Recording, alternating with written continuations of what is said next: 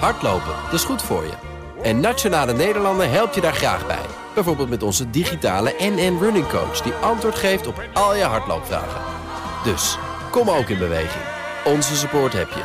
Kijk op nn.nl slash hardlopen. Je kunt ons live of terugluisteren. Dat kan via de BNR-app. Daarin vind je bijvoorbeeld BNR Digitaal. Download de BNR-app BNR Nieuwsradio. The Big Five. Diana Matroos. We staan aan het begin van 2024. Nou dachten wij, mooi moment om de lessen van de toch vaak onrustige 2023 op te pakken en vol frisse moed dit jaar in te gaan. En daarover in gesprek gaan doe ik met vijf kopstukken die allemaal een relevante rol spelen in onze samenleving. Vandaag trap ik deze week af met niemand minder dan de burgemeester van Arnhem, Ahmed Marcouch. We kennen hem natuurlijk ook als voormalig Tweede Kamerlid voor de PvdA, oud stadsdeelvoorzitter van Slotenvaart in Amsterdam politieman geweest, maar nu dus alweer ruim zes jaar burgemeester. Welkom. Dank u wel. Uh, u zegt uh, u, maar we hadden ja, afgesproken ging... te tutoyeren. Maar dat is, misschien gaat dat een beetje door elkaar ja, uh, heen. Dat, dat, is geïnternaliseerd, een automatisme. Ja, we zien. Dank je wel. ja, dank je. ik ga natuurlijk straks met je praten over jouw rol als burgemeester. Maar eerst vind ik het ook mooi om een persoonlijke vraag te stellen. Want dit is natuurlijk ook een begin van het jaar. Daar heeft iedereen natuurlijk ook mooie voornemens. En wat is jouw persoonlijke voornemen? Nou, uh, voldoende energie uh, blijven houden uh, om mijn werk te doen. werk en privé goed te combineren. Ik denk dat dat soort voornemens veel voorkomen. Ja. Ehm, nou ja, dus dat, dat, de, dat. de, de balans blijven zoeken. En het is wel een uitdaging. Ja, het is wel een uitdaging. en je moet altijd natuurlijk wel goed voor jezelf, fysiek.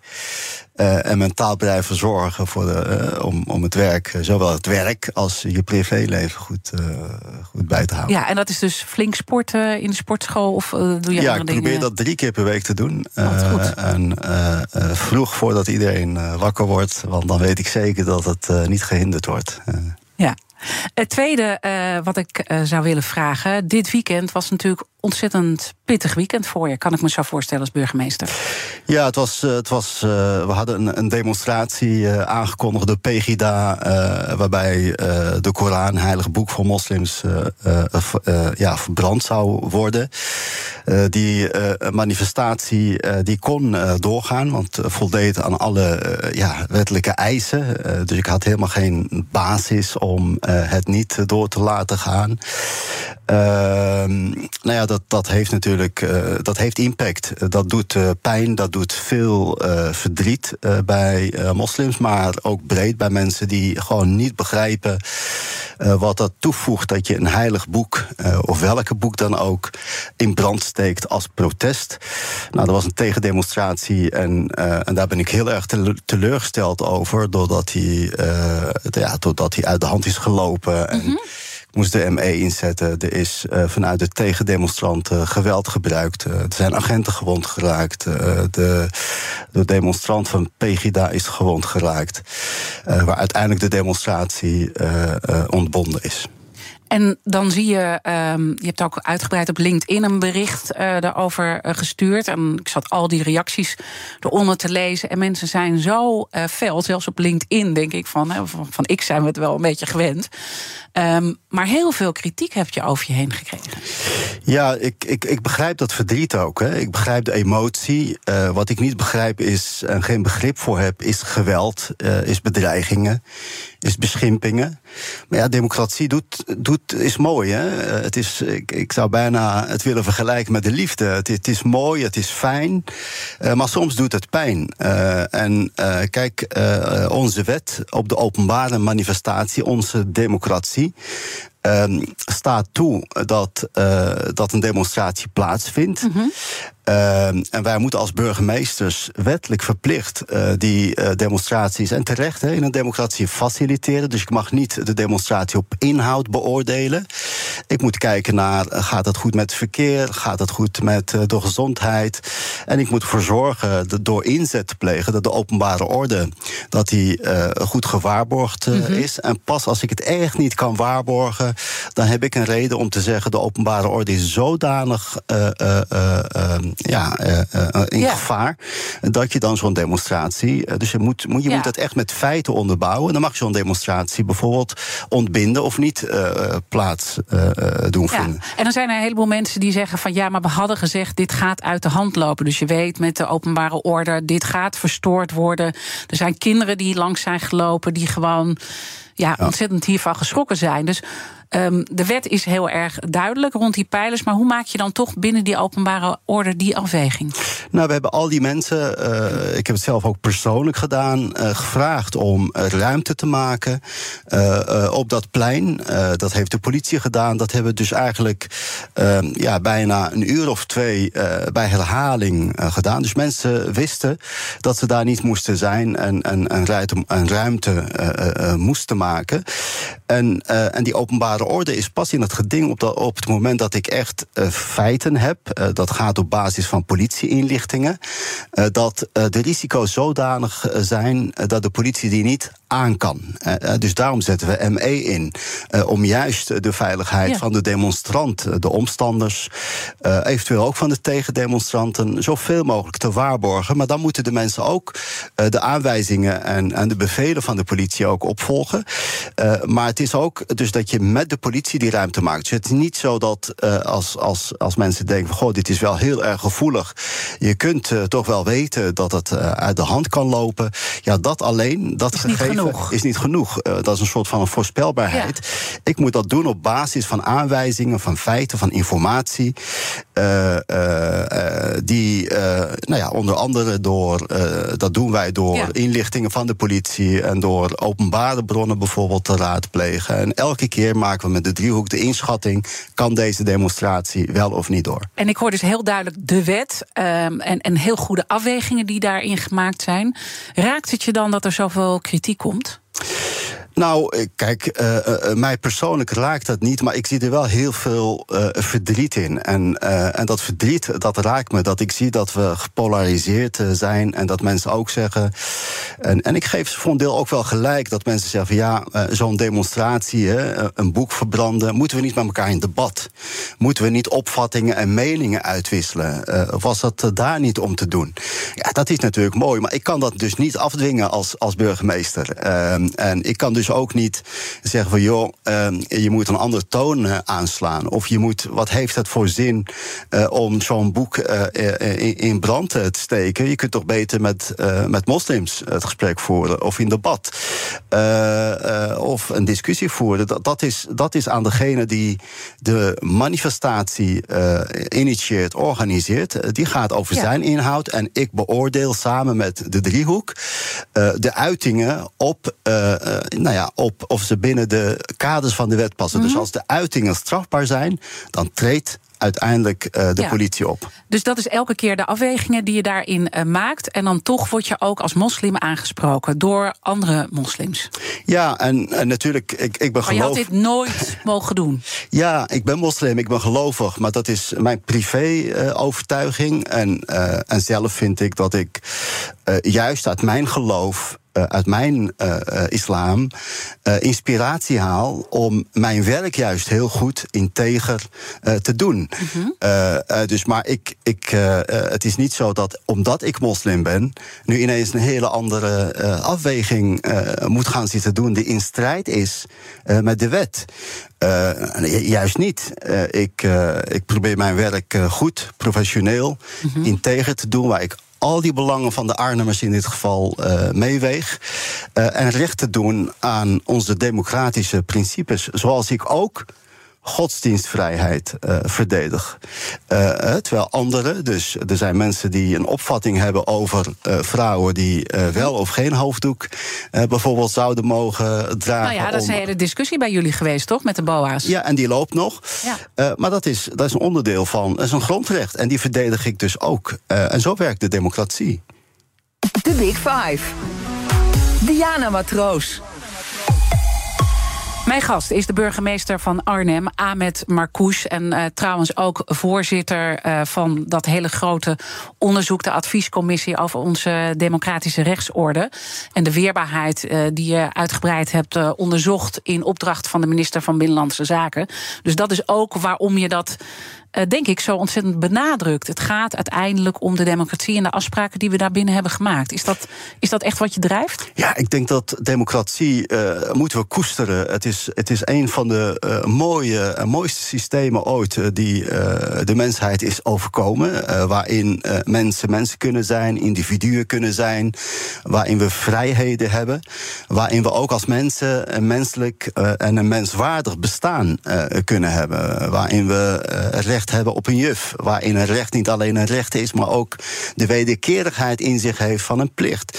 En dat moeten we koesteren. En, uh, en we constateren vanuit de commissie waarin we zeggen: nou ja, de, de, democratie in Nederland staat als een huis. Want dat onderzoek was ingegeven door een motie van de Tweede Kamer, die zich zorgen maakte over de polarisatie en, en de dreigingen en de bedreigingen van die democratie. Dus we zeggen: Nederlanders dragen die democratie en het staat als een huis.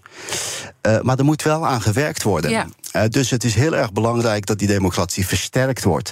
En dan doen we een aantal aanbevelingen die gaan over. En dat merk ik nu ook uh, in die discussie. Ik merk zelfs dat docenten maatschappijleer mij hm? verwijten dat ik die demonstratie heb door laten gaan. Dat die dus niet begrijpen hoe, hoe, nou ja. ja. hoe het demonstratierecht werkt. En die moeten het uiteindelijk ook Want uitleggen. wat zeggen zij dan tegen je? Nou ja, dat ik had moeten verbieden. Ja.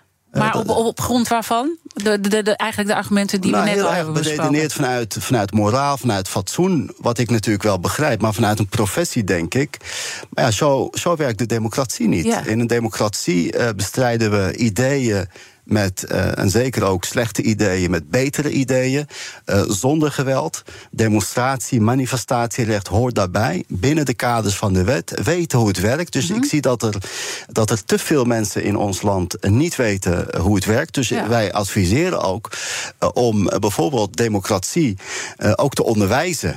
En niet alleen in theorie, maar ook kinderen heel vroeg al competenties en, en Nou ja. skills mee te geven. We zien onze landelijke leiders, eh, of potentieel nieuwe leiders, eh, zien we hierover gewoon gesprekken voeren waarvan je ook denkt, weten ze dan niet, ehm, ja, een, een deel weet misschien niet hoe het werkt, een deel misschien wel, maar het voelt toch gek dat we daarover in gesprek zijn, over de rechtsorde en de rechtsstaat. Ja. Nou ja, Wat die, vind je Die daarvan? democratische rechtsorde. Ja, kijk, ik, uh, wij zeggen ook. ik het natuurlijk over Wilders en uh, Ja. NSC en die daar met elkaar, uh, met, met alle nou ja, winnaars van deze verkiezingen over in gesprek gaan. Het, het is bijna erg dat er een gesprek nodig is. Ja, om, om, die, om de grondwet te waarborgen. Dus Ja. uh, aan de ene kant denk ik fijn dat het zo op de agenda staat. Dus het is niet vanzelfsprekend. Aan de andere kant zeggen wij ook als commissie, juist volksvertegenwoordigers, juist mensen zoals ik, die drager zijn van het bestuur, uh, dat belichamen. Of je nou raadslid bent, Kamerlid, eh, bestuurder, minister, minister-president. Uh, hier moet je voortdurend uh, doordrongen zijn van het feit dat je ook uitdraagt ja, de waarde van die democratie. En dat, je die, dat je voortdurend op het netvlies hebt dat je ja, een voorbeeld moet zijn in hoe het moet en hoe het Mhm. werkt. En dus dat, dat bijvoorbeeld het beschimpen van elkaar, eh, die verdachtmakingen, zie wat eh, Sigrid Kaag bijvoorbeeld, eh, waar ze mee te maken heeft gehad. Ja, dat, dat, dat is niet de manier. Dat is, een, een, een, dat, dat, dat is giftig, dat ondermijnt, dat noemen we dan een affectieve polarisatie. Dus in een democratie heb je altijd polarisatie, maar dat gaat dan over verschillende ideeën hebben, verschillende meningen hebben, die kunnen tegenover elkaar komen te staan. En je mag discussiëren, dat mag Dat is scherp allemaal zijn. hartstikke goed. Polarisatie kan ook goed zijn. Ja, maar elkaar uh, verdacht maken, uh, doen veronderstellen alsof er ergens een kwade elite, uh, nou ja, mensen als het ware aan het manipuleren is. En nou ja, dat soort polarisatie voeden. Daar olie op het vuur gooien, mensen tegen elkaar opzetten, juist op het moment dat het gaat om schaarste. Zij pakken jullie huizen af, of zij pakken jullie banen af. Um, zie je wat er gebeurt op het moment dat die, dat, dat debat wordt gevoerd nou over bijvoorbeeld, bijvoorbeeld de, nieuwe Nederlanders. Dus, nou, bijvoorbeeld. dus dat, dat, is, dat ondermijnt de democratie, net zoals dat de sociale crisis, waarin mensen niet leven, maar aan het overleven mhm. zijn. Dus de onrechtvaardigheid in de samenleving ook die democratie uh, ondermijnt. Naast wat de georganiseerde misdaad ook doet. Dus mijn oproep aan het kabinet is, en, uh, maar ook aan de Tweede Kamer die er al zit, die hoeft niet te wachten op dat kabinet. Hoogste orgaan, uh, hè? Ja, precies. maak spoed met het aanpakken van die sociale crisis.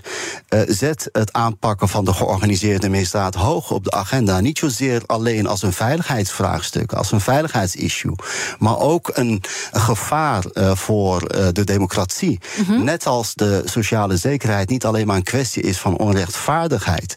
Of de, de sociale crisis niet alleen maar een kwestie is van, de, uh, van, de, van sociale, sociale onrecht. Maar dat sociale onrecht ondermijnt ook de democratie. Het heeft allemaal met elkaar te maken. Dat, als die democratie niet voor ons allemaal werkt, is het, is het natuurlijk uh, is dat een risico voor die democratie ja. ook. En als je dat dan weer helemaal terugbrengt uh, naar de zaken waar je dus zelf als burgemeester mee geconfronteerd wordt, zoals die Koranverbranding dit weekend. Uh, zit daar dan ook echt een relatie? Zie je die relatie heel duidelijk terug dat het zo polariseert, dit verhaal? Ja, zeker. Uh, omdat, kijk, als het gaat om moslims in de samenleving, ik bedoel, die, die, die incasseren al twintig jaar. En, en dan komt dit erbij. Maar het is wel zo dat, uh, dat, dat de democratie uh, moet werken. Dus ook voor die man van, van Pegida, als die voldoet aan, aan wet en regelgeving, dan moet, ja, hoe giftig zijn boodschap ook is, hoe pijn die ook doet, ja, die moet ruimte hebben om om uh, zich te manifesteren. Zo'n Vanuit de liefde voor de democratie en de, en de rechtsstaat die daarbij hoort. Ja, ook onwelgevallige meningen. Dus uh, het doet mij ontzettend veel pijn als persoon. En verdriet. Als moslim dat, ook. Als moslim. En dat mijn heilige boek daar op die manier, met de bedoeling, juist mij en, en, mensen die dat geloof hebben of anderen, ehm, de, ja, pijn te doen. Um, en toch uh, moet ik daarop reageren met een opvatting, ja. met een betere idee. Um, en moet ik begrijpen dat, dat de democratie zo werkt dat zelfs als hij daar uh, dus dat gif staat te spuien, uh, dat, ja, dat, dat, dat dat mag. En dat, dat daar reageren, ja. dat daarop reageren met geweld of zonder enige wettelijke basis, dat verbieden ja, dat dat niet kan. En dan zitten we nu uh, na het weekend dat dit allemaal is gebeurd. En dit, dit zijn dan de afwegingen die zijn uh, gemaakt. Vanuit dit gegeven, hoe krijg je die mensen ook weer bij elkaar? Want het is heel erg, nou ja, je noemt het net al, het gebeurt op heel veel vlakken heel erg gepolariseerd. En hoe krijg je dat dan weer bij elkaar als burgervader? Nou, ik, ik denk dat het ontzettend belangrijk is uh, dat, dat, dat we in gesprek blijven met elkaar. Uh, en dat gesprek is niet vrijblijvend. Uh, dat we uh, toch ook blijven onderwijzen. Uh, dat we ook vanuit het onderwijs ook uh, kinderen echt leren uh, hoe de democratie werkt. Mhm. En welke rol je er ook als burger in, in hebt te spelen. Want je bent burger en geen consument. Dus die actieve betrokkenheid bij die democratie is belangrijk. En ja, voor burgemeesters, die polarisatie, want dat is voor een deel ons werk.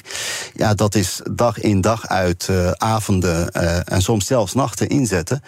om mensen bij elkaar te brengen, te verbinden. Um, en ook, uh, ook de democratie uit te dragen. En soms uh, uit te leggen. Uh, en soms bereik je mensen, soms kost het tijd.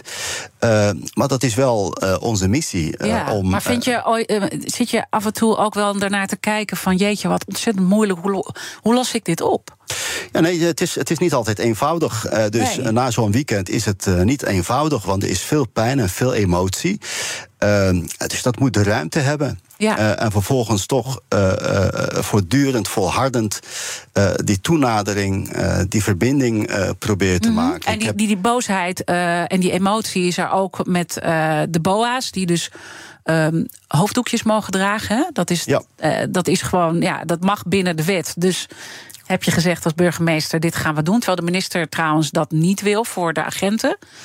Ja, maar kijk, de, de, de grondwet, in onze grondwet staat godsdienstvrijheid. En die vrijheid betekent dat je die godsdienstigheid ook, dat die zichtbaar, daarom staat die in de grondwet, dat je met je ornamenten uh, die vrijheid mag, uh, mag leven. Uh, en dus ook in je werk. En, en het kan zijn hoor, dat je in je werk op een gegeven moment beperkingen opgelegd uh, uh, krijgt. Maar dan zegt de wet, er moet een noodzaak zijn. om dan dat te beperken. En die noodzaak om als BOA uh, geen hoofddoek uh, te dragen, die is er niet. Want juist BOA's en agenten worden geacht hoofddeksels te dragen. Ik ben zelf agent geweest. Ik ben mijn haar, denk ik, eraan verloren. van die mutsen met, uh, en die petten. Ja. ja. we droegen de pet, maar we hadden ook een muts. Met, dit, met dit weer dragen agenten ook andere mutsen om hun hoofd te beschermen. Maar dus een, een is, pet van de, van de politie, dat is dan een algemene politiepet. En natuurlijk een, een hoofddoekje is daarin iets anders. Maar ja, je kunt natuurlijk ook weer eisen stellen aan de kleur. En dus het mag, je kunt natuurlijk ja. ook een eis stellen aan de hoofddoek dat hij niet uh, conflicteert uh, met het uniform. Maar het gaat, het uniform is natuurlijk vooral ook bedoeld voor de voorspelbaarheid, herkenbaarheid. Mm -hmm. uh, dat als iemand op je afloopt, dat je snapt, oh ja, dat is een handhaver. En die vindt dat ik iets moet doen. Of maar hoe verklaar je dan het verschil dat eigenlijk onze demissionair minister van Justitie, Jezilgus, zegt. Uh, niet uh, voor de agenten. En dat hè, binnen dezelfde wet. En, en jij dus zegt wel. Nou ja, wij, kijk, ik heb, wij hebben. Het is een opvatting van de minister. Hè, dus mm -hmm. ik heb een. Uh, mijn gemeenteraad heeft een motie in meerderheid aangenomen. die tegen het bestuur zegt van. wij willen dat moslima's. of anderen met een religieuze ornament. -hmm. Een keppeltje werd genoemd. En een kruis. voor een christelijke collega. dat die, dat die gewoon die ornamenten gewoon moeten kunnen. Uh, dus non-discriminatie. Geen reden om mensen zeg maar uit te sluiten om in dienst te zijn van de gemeente, ook niet als BOA. Uh, dus die motie heb ik uitgevoerd. Uh, dus er is er is een politieke opdracht ja. aan mij om, uh, om dat te doen. Ja, en bovendien heb je in het FD uh, uh, interessant artikel. zeg je dat er ook wel een hoop hypocrisie is in Nederland. als het over dit soort religieuze uitingen gaat. Nou, ik wil het geen uh, hypocrisie nee, dat noemen. is mijn samenvatting. Maar je ja, bent nou wel ja, kritisch op hoe wij hiermee met dubbele moraal omgaan. Moet, hoe moet ik het zeggen? Ja, ik had met de journalist een, een, een discussie. En die had het over de scheiding van kerk en staat. Kijk, de scheiding van kerk en staat in Nederland is juist bedoeld om religieuzen te beschermen tegen de staat. Je kunt zeggen, het is een non-interventie in instituties. De overheid interveneert niet uh, in het instituut kerk.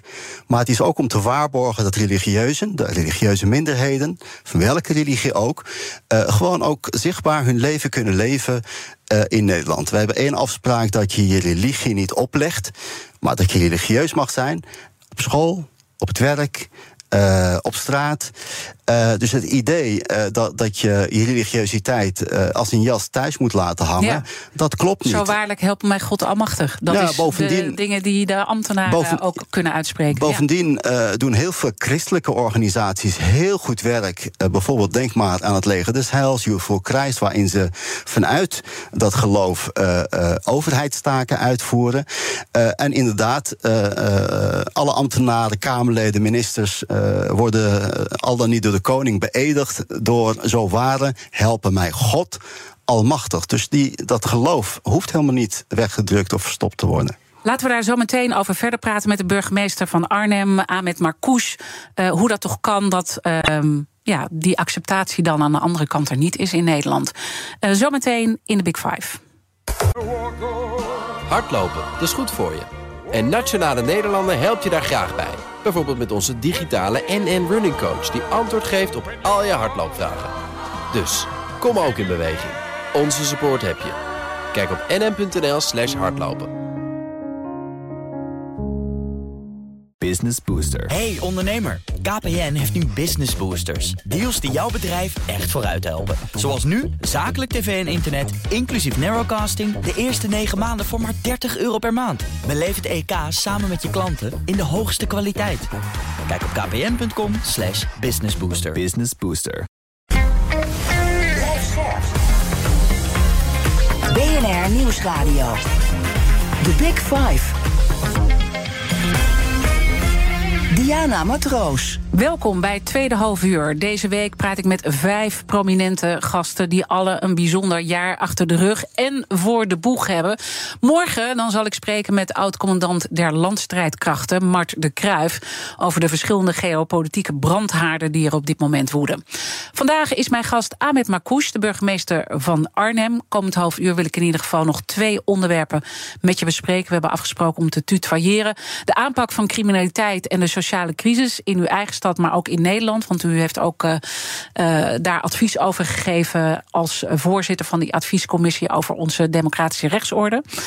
Uh, en dus daar wil ik het graag over hebben. Maar ook even het punt waar we net waren aanbeland. Dat je dus eigenlijk toch ziet uh, vanuit die polarisatie dat er groepen tegenover elkaar staan. We hebben verschillende voorbeelden gehad. In jouw optiek, is dat nou beter geworden of slechter in de loop der jaren? En dan heb ik het ook over de acceptatie van moslims in Nederland. Nou ja, kijk, eh, je ziet wel dat moslims eh, eigenlijk heel veel te verduren krijgen in, in dat debat. En soms is het geen debat, maar is het vaak ook vanuit uh, mensen die een stevige positie hebben. Uh, een eenrichtingsverkeer, vernederingen afgeven, manieren vinden om uitsluiten. Dat ervaart een generatie al zo. Die, die weten niet anders dan de, dat er op die moslims gehamerd wordt. En, en wat je ziet uh, nu is dat ja, er is een confrontatie, eigenlijk zou je kunnen zeggen, in debat. Dus er, is, er groeit een generatie op die iets terugziet, uh, die iets terugzegt. Mm -hmm. en wat ik hoop is dat dat natuurlijk op een democratische manier blijft gaan, waarin argumenten uitgewisseld worden, waarin het debat misschien scherp, maar wel gevoerd wordt, waarin ideeën met ideeën worden be bestreden, waarin we vanuit die grondwet van vrijheden ons heel erg bewust zijn van die grondrechten. Maar ook heel erg bewust zijn dat die grondrechten ook betekenen dat we grondplichten hebben. Door het recht op vrijheid ook te bevechten voor de ander die heel anders is dan jij. Uh, nou, en, en, en dat, dat is prima in een democratie. Wat, wat, wat, wat fout is, wat ondermijnend is, is op het moment dat, dat we mensen, dat we schaarste die er is, of huizen, uh, of het nou om huizen gaat, of of, uh, uh, of, of uh, banen of, of andere zaken, dat, dat we de schuld daarvan, dat we daar een zondebok voor zoeken. in, in welke groep dan ook. Ja. dat, dat, dat is een gevaarlijke Dat zien we vorm. natuurlijk ook met de asielzoekers en de statushouders. Hè, dat dat het Ja. ook het, het grote probleem is. Terwijl het vaak toch consequenties zijn van. Die schaarste is een consequentie van politieke keuzes. Ja, er komen mensen naar Nederland. Als vluchtelingen naar Nederland komen, dan, uh, ja, dan moeten er uh, ook woningen zijn. Uh, dat dat allemaal gereguleerd moet worden, ja. maar de schaarste die er veel al is, en die was er al, met of zonder vluchtelingen. ja, dat is een consequentie van politieke keuzes. Ja. En, en niet, en niet veroorzaakt door de Nederlander die hier woont met een migratieachtergrond. Ja, en, en waar doe je dan op op die politieke keuzes? Nou, door bijvoorbeeld te weinig woningen te bouwen. Door uh, bijvoorbeeld, uh, ja, wij noemen het in het rapport de sociale crisis. Door, door die rechtvaardigheid, uh, die een belangrijke waarde is van onze democratie. ja, die niet voor iedereen, die bereikt niet iedereen. we hebben een, een, miljoen of vier Nederlanders die niet leven, maar aan het overleven zijn. Die leven in wijken waar de leefbaarheid onder druk staat, waar de veiligheid onder druk staat, waar de kwaliteit van de woningen ja, niet goed is. waar de instituties voor hen uh, ver zijn. Uh, ja, die Nederlanders die haken niet zozeer af. Maar voordat ze afhaken, zijn ze weggeduwd. Ja, maak die zijn je daar teleurgesteld. zorgen over?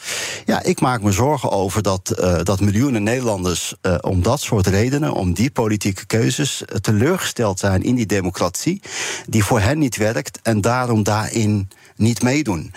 Uh, en, uh, en, en ik vind dat in een van de rijkste landen van de wereld eigenlijk iedere Nederlander een goede basis bestaanszekerheid zou moeten hebben. Goed onderwijs voor de kinderen. Want onderwijs, dat heeft ook voor mij, dat was voor mij de democratie toen ik in 1979 aankwam in Nederland, gaf die democratie mij een juf. En gaf die democratie uh, ons gezin weliswaar na heel lang wachten. Want ook toen, ja, 80 was er woonschaarste, woningsschaarste. Kregen we een woning met, een, nou ja, met, een, met geïsoleerde ramen en een cv. Ja. Ik weet nog dat mijn vader de hartekleed uit, uitsprak van... en nu mogen we onze koffers uitpakken, nu mogen we zijn. Wij ja. worden erkend, ja. wij mogen blijven. Dat is wat een woning, wat een goede woning doet. En dat nou ja, is... en kijk waar, waar het jou ook gebracht heeft. Als je kijkt de weg die je hebt afgelegd en nu dus burgemeester bent al ruim zes jaar. Dat is ongekend als je kijkt waar je vandaan komt, toch? Daarom geloof ik dat, dat juist die democratische uh, waar de mensen, de meeste mensen, de meeste Nederlanders het meest op aangewezen zijn, dat die juist voor hen toegankelijk moeten zijn. De woningbouwcoöperatie, -hmm. Uh, de sociale raadsman in de wijk die helpt op het moment dat je vastloopt en niet het geld hebt om uh, dure advocaten uh, in te huren. sociale en juridische bijstand. die betaalbare woning. je kinderen in een leefbare, veilige omgeving zien opgroeien. maar ook lesuren, kleinere klassen, zo praktisch is het. Want dat heeft mij geholpen. Ik zat in een klein klasje met juf Herma die ons alle aandacht kon geven om die achterstanden die wij hadden. Ja. Want ik kwam op mijn tiende analfabeet in Nederland aan. Uh, en toch uh, ja, uh, heeft zij zich ingezet. Dus ik kreeg die juf die, die voor mij gewerkt heeft. Dat instituut heeft voor mij en, en, mijn generatie gewerkt. En dat wil ik voor de kinderen die vandaag de dag opgroeien. Uh, wil ik dat ook. Daarom ja. zou mijn oproep zijn dus aan het kabinet. Investeer uh, uh, en los die sociale crisis op. En investeer in onderwijsuren. Investeer ook in kleinere klassen. Dat is wat juffen en meesters willen. Niet alleen niet, meer salaris. want ik weet dat jullie ook een plan hebben uitgerold in Arnhem om dit aan te pakken. Maar jullie kunnen het niet alleen. Nee, we hebben het nationaal programma Arnhem Oost. en dat nationaal programma doen we met het Rijk. Uh, de provincie en allerlei uh, andere uh, maatschappelijke organisaties. en dat we hebben gezegd van ja, om deze achterstelling weg te nemen waarin de mensen leven, ja, hebben we een generatie nodig. we hebben het commitment van 18 jaar nodig. Um, dat is echt lang, hè? 18 jaar. Dat is een generatie. Ja. Dat is wat het kost om een kind, uh, laten zeggen, groot te brengen. En dan hoop je natuurlijk, en met name ook door het onderwijs, dat kinderen die dan uh, met, met, dat, met die extra investeringen opgroeien, een afslag kunnen nemen en niet de achterstand en de armoede van hun omgeving of, of ouders erven. Zoals mijn vader dat ook voor mij heeft gewild. En ik hoop dat het nieuwe kabinet, dat deze Tweede Kamer, die hebben allemaal beloofd, bestaanszekerheid is een urgent thema. Ik zou zeggen, Tweede Kamer, wacht niet op de kabinetsvorming. Zoek elkaar op en maak een vuist om samen, van links tot Mhm. mm -hmm. rechts. dus die beweging moet echt nog komen. Want als je oproept, dan begrijp ik dat het nog niet gebeurt. Nou ja, het loopt nu. Mm -hmm. Maar ik, ik hoop natuurlijk dat, dat degenen die nu aan het uitvoeren zijn... ook enige zekerheid kunnen krijgen van de Rijksoverheid, van de Tweede Kamer... dat, dat we doorgaan met dat programma en dat ook de nieuwe kabinetten, de komende kabinetten, in ieder geval dit kabinet en deze Tweede Kamer, ook blijft investeren in dat nationaal programma. En dan heb je los daarvan, dit is een sociale crisis, maar heb je ook nog echt een criminaliteitsprobleem? Hoe verhouden die twee zich tot elkaar? Nou ja, we zien dat de, de, de georganiseerde misdaad, dat, dat, jongeren die ik kom, uh, kijk, ik ben tien jaar politieman geweest in deze stad waarin we nu uh, zitten, Amsterdam. in mijn tijd waren de dealers 20, tussen de 20 en 30. En tegenwoordig kom ik jongetjes tegen van 13 die 70, 80 cocaïnebolletjes op zak hebben en die op het stationsplein staan te dealen. Ontzettend gevaarlijk. En heel vaak als we dan uitzoeken wat zit hierachter, merk je soms dat zo'n jongetje denkt: mijn moeder, zegt hij dan, zit in de shit en ik wil haar helpen. Dus ik wil een periode dealen en dan wat geld verdienen. En dan kan zij van hun schulden af. En dan stop ik ermee. Niet wetend, dus tegen beter weten in, dat ze in een fuik van die georganiseerde misdaad lopen waar ze nooit meer uitkomen. Dat zijn de risico's natuurlijk voor, voor de veiligheid en voor deze kinderen. Maar de georganiseerde misdaad, zeker de drugshandel, is ook een groot risico en een gevaar voor de democratie zelf. Mhm. We hebben natuurlijk de liquidaties, de intimidaties al eerder gezien. En daarom is het belangrijk dat die georganiseerde misdaad ook hoog geprioriteerd op de agenda blijft uh, van, van deze ja, Tweede die Kamer. hoge prioriteit, waar moet het zich dan in vertalen? Wat moeten we nu echt anders doen? als stadsdeelvoorzitter in Amsterdam stond je zelfs bekend als de sheriff. Hè? Dat was echt behoorlijk, ja, je was, zat echt streng in de leer. Nou ja, wij zitten er bovenop. Dus in Arnhem bijvoorbeeld, ook mede door het Nationaal Programma. We hebben een, een, programma dat heet Preventie met Gezag, waarin we dus niet alleen repressief jongeren oppakken, maar ook ze perspectief eh, bieden. Eh, afspraak met werkgevers, onderwijsinstellingen. Maar het is ook belangrijk dat, eh, dat die georganiseerde misdaad ook nou ja, repressief ook bestreden blijft worden. Dus het wegnemen van die sociale crisis helpt jongeren om een ander perspectief te zoeken dan de criminaliteit alleen. En natuurlijk zit er ook hebzucht achter soms bij die misdaad. Mhm. En daar heb je de pakkans voor nodig. Dus de, de, het repressieve helpt het preventieve. Hardlopen, dat is goed voor je. En Nationale Nederlanden helpt je daar graag bij. Bijvoorbeeld met onze digitale NN Running Coach... die antwoord geeft op al je hardloopvragen. Dus, kom ook in beweging. Onze support heb je. Kijk op nn.nl slash hardlopen. Business Booster. Hey ondernemer, KPN heeft nu Business Boosters. Deals die jouw bedrijf echt vooruit helpen. Zoals nu, zakelijk tv en internet, inclusief narrowcasting... de eerste 9 maanden voor maar 30 euro per maand. Beleef het EK samen met je klanten in de hoogste kwaliteit. Kijk op kpn.com slash businessbooster. Business Booster. BNR Nieuwsradio. The Big Five. Diana Matroos. Mijn gast is de burgemeester van Arnhem, burgemeester Ahmed Marcouch. En uh, mijn gasten stellen elkaar vragen via de kettingvraag. In de vorige aflevering, toen had mijn eh, collega Art Royakkers een andere Big Five week. En sprak hij met Ruslandkenner en uitgever van de Moskou, Moscow Times, Dirk Sauer. En die had deze vraag voor jou. Luister maar. Iedereen kent Arnhem, want iedereen kent Vitesse. En we weten allemaal hoe slecht het gaat met Vitesse. Dus mijn vraag aan de burgemeester zal zijn: hoe gaat u Vitesse redden? Ja, hoe ja. Ja, inderdaad. Uh, Arnhem is Vitesse en Vitesse is Arnhem. Dus die twee zijn uh, onlosmakelijk verbonden met elkaar. Vitesse heeft het op dit moment moeilijk. Dus ik denk dat wat Vitesse, en, en eigenlijk is dat mijn basisformule, is in jezelf geloven. vasthouden aan je overtuiging. Uh, en zoals ze dat ook gisteren deden, uh, weliswaar op 0-0 uh, geëindigd tegen FC Utrecht. ja, 200% geven. een volharding. dat, is, dat is wat helpt. dat is wat mij in ieder geval ook als persoon heeft geholpen. om nou ja, om uit nou ja, toch moeilijke omstandigheden ook te komen. En volgens mij geldt dat, geldt dat en ook. En hoe doe je dat geloven in jezelf? Want als het dus heel moeilijk is, is het best moeilijk om te geloven in jezelf. Nou ja, ik denk dat het ook daarom uh, belangrijk is. Want Vitesse is echt de club van Arnhem. En ik zie heel veel Arnhemmers ook een warm hart toedragen aan Vitesse. Dus die steun, die support. Uh, dus uh, is, helpt. ook al is, dat, al is het maar moreel. Hè. ik denk dat dat ontzettend belangrijk is. en, want ja, niemand kan het alleen. dus ik hoop dat, dat we met elkaar nou ja, straks ook gewoon nog altijd een, een club hebben als ja. Vitesse. En dat ze op sportgebied ook, nou ja, ook veel meer resultaat mogen boeken. We gaan, het, uh, we gaan het hopen. Als we kijken naar dit jaar 2024, hoe positief ben je over dit jaar? Uh, nou ja, alles wat komt, uh, dat, dat gaat bij mij altijd gepaard met optimisme en hoop. het is wel ontzettend belangrijk dat wij uh, dat wij zelf daarin blijven, uh, ja, dat, dat we daarin blijven geloven en ons daarvoor ook inzetten en inspannen, want het gaat niet vanzelf. dus ik heb net iets gezegd over het versterken van de democratie, het wegnemen van die sociale crisis.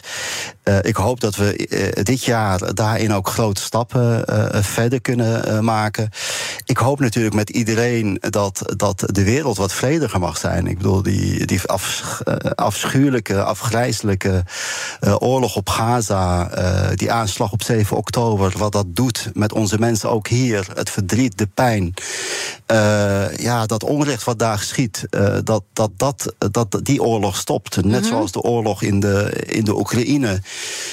Je hoopt natuurlijk dat, dat ook dat deel van de wereld ja, wat meer vrede en harmonie mag, mag hebben. En, en dat, is, dat is goed voor de mensen daar, maar zeker ook eh, voor ons. Eh, meer vrede. Ja. Eh, en ik, ik geloof daarin dat dat kan.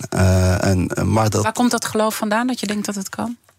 Ehm, nou ja, ehm, omdat, eh, omdat, ik, omdat, ik, eh, omdat ik weet eh, dat, we dat kunnen. Ik we, gaan, komend, we gaan dit jaar gaan we vieren 80 jaar vrijheid in Nederland, ook in Arnhem.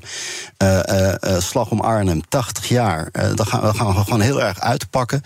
Ehm, ja, we kunnen 80 jaar in vrede leven. Dus we kunnen het organiseren. Maar dat vraagt leiderschap. Dat vraagt eh, geloof daarin eh, en ons daarvoor eh, in te zetten. Ik zal nooit vergeten dat Wilf, een van de veteranen van de Slag om Arnhem, tegen mij zei: Fijn dat jullie ons elke jaar weer eren, want we nodigden ze altijd uit voor Ja. de herdenking.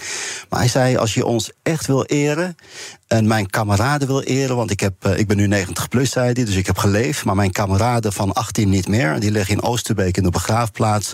Zorg ervoor dat die jonge mensen niet naar het front gestuurd hoeven worden, omdat er weer oorlog uitbreekt. Investeer in vrede. Ja. Investeer in liefde. Ja. En, en, eh, en, en dat is waar de democratie ook over gaat. Eh, dat is waar het onderwijs ook over moet gaan. Ook dicht bij huis, ook Ja. in huis. En als je dan vrede. kijkt naar het politieke landschap wat we nu eh, hebben, waar je natuurlijk toch nou ja, een bepaalde verrechtsing heel duidelijk ziet, even los van welk kabinet er uiteindelijk gaat komen.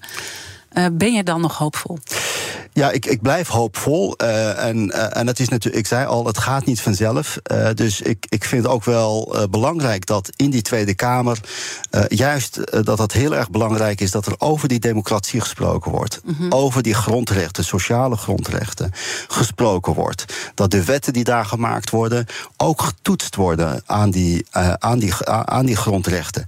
Ehm, en dat die Tweede Kamer, en daarom vind ik het ook wel mooi dat er gesproken wordt over de De cultuur ook in de Tweede Kamer, de omgangsvormen met elkaar. Daar begint de vrede. In het voordoen, voorleven.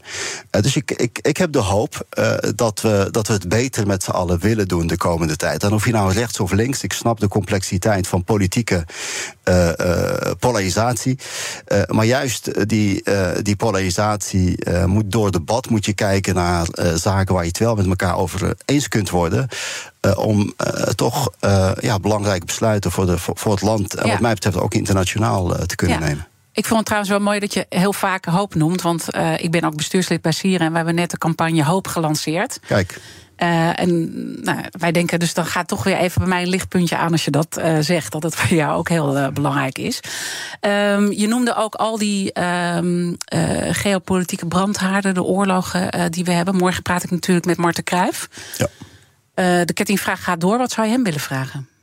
Nou, ik zou hem eh, willen vragen eh, in navolging van wat ik van Wilf heb geleerd. Want ik vond dat een hele mooie wijsheid. Zet je in voor vrede. Van ehm, wat voor leiderschap hebben we nou eigenlijk in Europa nodig om die vrede te brengen? Dat zou mijn vraag zijn aan, aan, aan de wijze Martin. Aan, eh, dat, Marten Kruijf, ja. Ja. Eh, dat ga ik hem zeker eh, vragen morgen. Maar wie denk jij dat een, een goede leider zou zijn? Ja, Of heb je iemand waarvan je zegt, dat vind ik nou Ja, echt een voorbeeld? we hebben natuurlijk heel veel inspirerende leiders eh, gehad. Ik vind Mandela nog altijd een van de mooiste, inspirerende leiders die we ooit hebben gehad. Als je 25 jaar onrecht zo kunt eh, eh, eh, verwerken, een plekje kunt geven om toch je in te zetten voor, voor vrede, voor het samenbrengen van mensen, voor, nou ja, voor vergeving. Ik denk dat daar heel veel lessen en inspiratie in zit. Dat inspireert Ja. mij in ieder geval. Ook op het moment dat we hier met elkaar clashen. Dat we even tot tien tellen. En, en toch kijken van wat is dan het beste om te doen. Ja. Uh, en, en, en toch zoveel liefde, zoveel wijsheid, uh, zoveel inspiratie. Ja, ja dat maar hebben wij die ook Mandela's nodig. lopen eigenlijk niet meer rond, hè, nu? Ja, maar Mandela zal altijd blijven rondlopen. Ja. Dus Mandela heeft het eeuwige leven. Dat soort leiders sterven nooit. Wat, wat zijn jouw volgende stappen nog? Want je, hebt je, je bent je tweede termijn, uh, zit je nu in? Ja, ik, ik, ik, ik heb nooit zo op die manier uh, over mijn carrière, mijn, mijn, carrière gedacht. Ik wilde in 2017 nog een periode Kamerlid worden. Ik zat op een geluksig, uh, geluksgetal 13 uh, op de lijst. Dat geluk was dan niet in de Kamer, maar wel in, in Arnhem. dus mijn ambitie zit hem echt in mij in te zetten voor het Nederland. Terug te mm. geven aan Nederland ja. en, en, en, Nederlanders wat mij gegeven is. En dat te doen in mijn, abt, in mijn ambt in, in in Arnhem. Dus ja, de komende maar zou je jaren. Ook, zou het niet stiekem kriebelen om ook naar Rotterdam te gaan? Want daar is natuurlijk nu een vacature vrij. Uh, Abu Talib vertrekt. Mooie stad. Die trouwens ja. ook Mandela-fan is. Want daar heb ik voor een videopodcast uh, voor Sieren met hem over gesproken. Okay. Wordt binnenkort wordt dat uh, uh, gelanceerd. Maar zou het een plek zijn voor jou? Uh, ik vind Desmond Tutu overigens ook een goede inspirator. uh, nee, ik, ik, uh, Rotterdam is natuurlijk een, een, een prachtige uitdaging. En ehm, degene die in de schoenen, in die hele grote schoenen van Abu Talib moet stappen, die heeft het niet makkelijk. maar ik, ik, ik, ik ben in Arnhem en ik, ik ga voor Arnhem. Dus ik, Je maakt het ik, af. Ik, ga mijn termijn. Dat is de belofte. tenzij de Arnhemmers het niet meer willen ja, dan, dan heb je een andere situatie. Maar ik, uh, mijn liefde is echt volop Ja. uh, in Arnhem en mijn energie ook uh, En voor wat, de wat Arnhemmers. zo mooi is, als je eigenlijk kijkt hoe, toen je begon en nu, je hebt veel meer respect eigenlijk gekregen hè, in de afgelopen jaren. Even los van nu die, eh, dat gedoe met de Koranverbranding. Ja, nee, ik heb altijd gezegd, eh, als je mijn werk doet, dan eh, ja, doe je dat niet voor een applaus. Eh, het is natuurlijk altijd fijn als je die waardering krijgt. Eh, maar ik wil verschil maken voor de mensen. Ik wil er zijn voor de mensen. En, eh, en, en, en dat probeer ik elke dag eh, te doen. En, eh, en dat geeft mij energie. En ik ben natuurlijk ook alleen maar blij eh, als ik merk dat de Arnhemmers het ook eh, waarderen. En, eh, en dat doen ze. En eh, nou ja, dat zijn, dat zijn de Arnhemmers. Die zijn altijd hartelijk en gastvrij. Dank je wel dat je eh, de moeite wilde nemen om zo uitgebreid in gesprek te gaan. Eh, de burgemeester van Arnhem, Ahmed Marcouch. Dank u wel. Uh, natuurlijk is alles terug te luisteren. Ga gewoon naar je favoriete podcast-app. Daar vind je alle afleveringen terug. Maar blijf live. Zometeen Thomas van Zijl met Zaken doen. Ik wens je een mooie dag en tot morgen. Wilfred. Hardlopen, dat is goed voor je. En Nationale Nederlanden helpt je daar graag bij. Bijvoorbeeld met onze digitale NN Running Coach... die antwoord geeft op al je hardloopvragen. Dus, kom ook in beweging. Onze support heb je. Kijk op nn.nl slash hardlopen.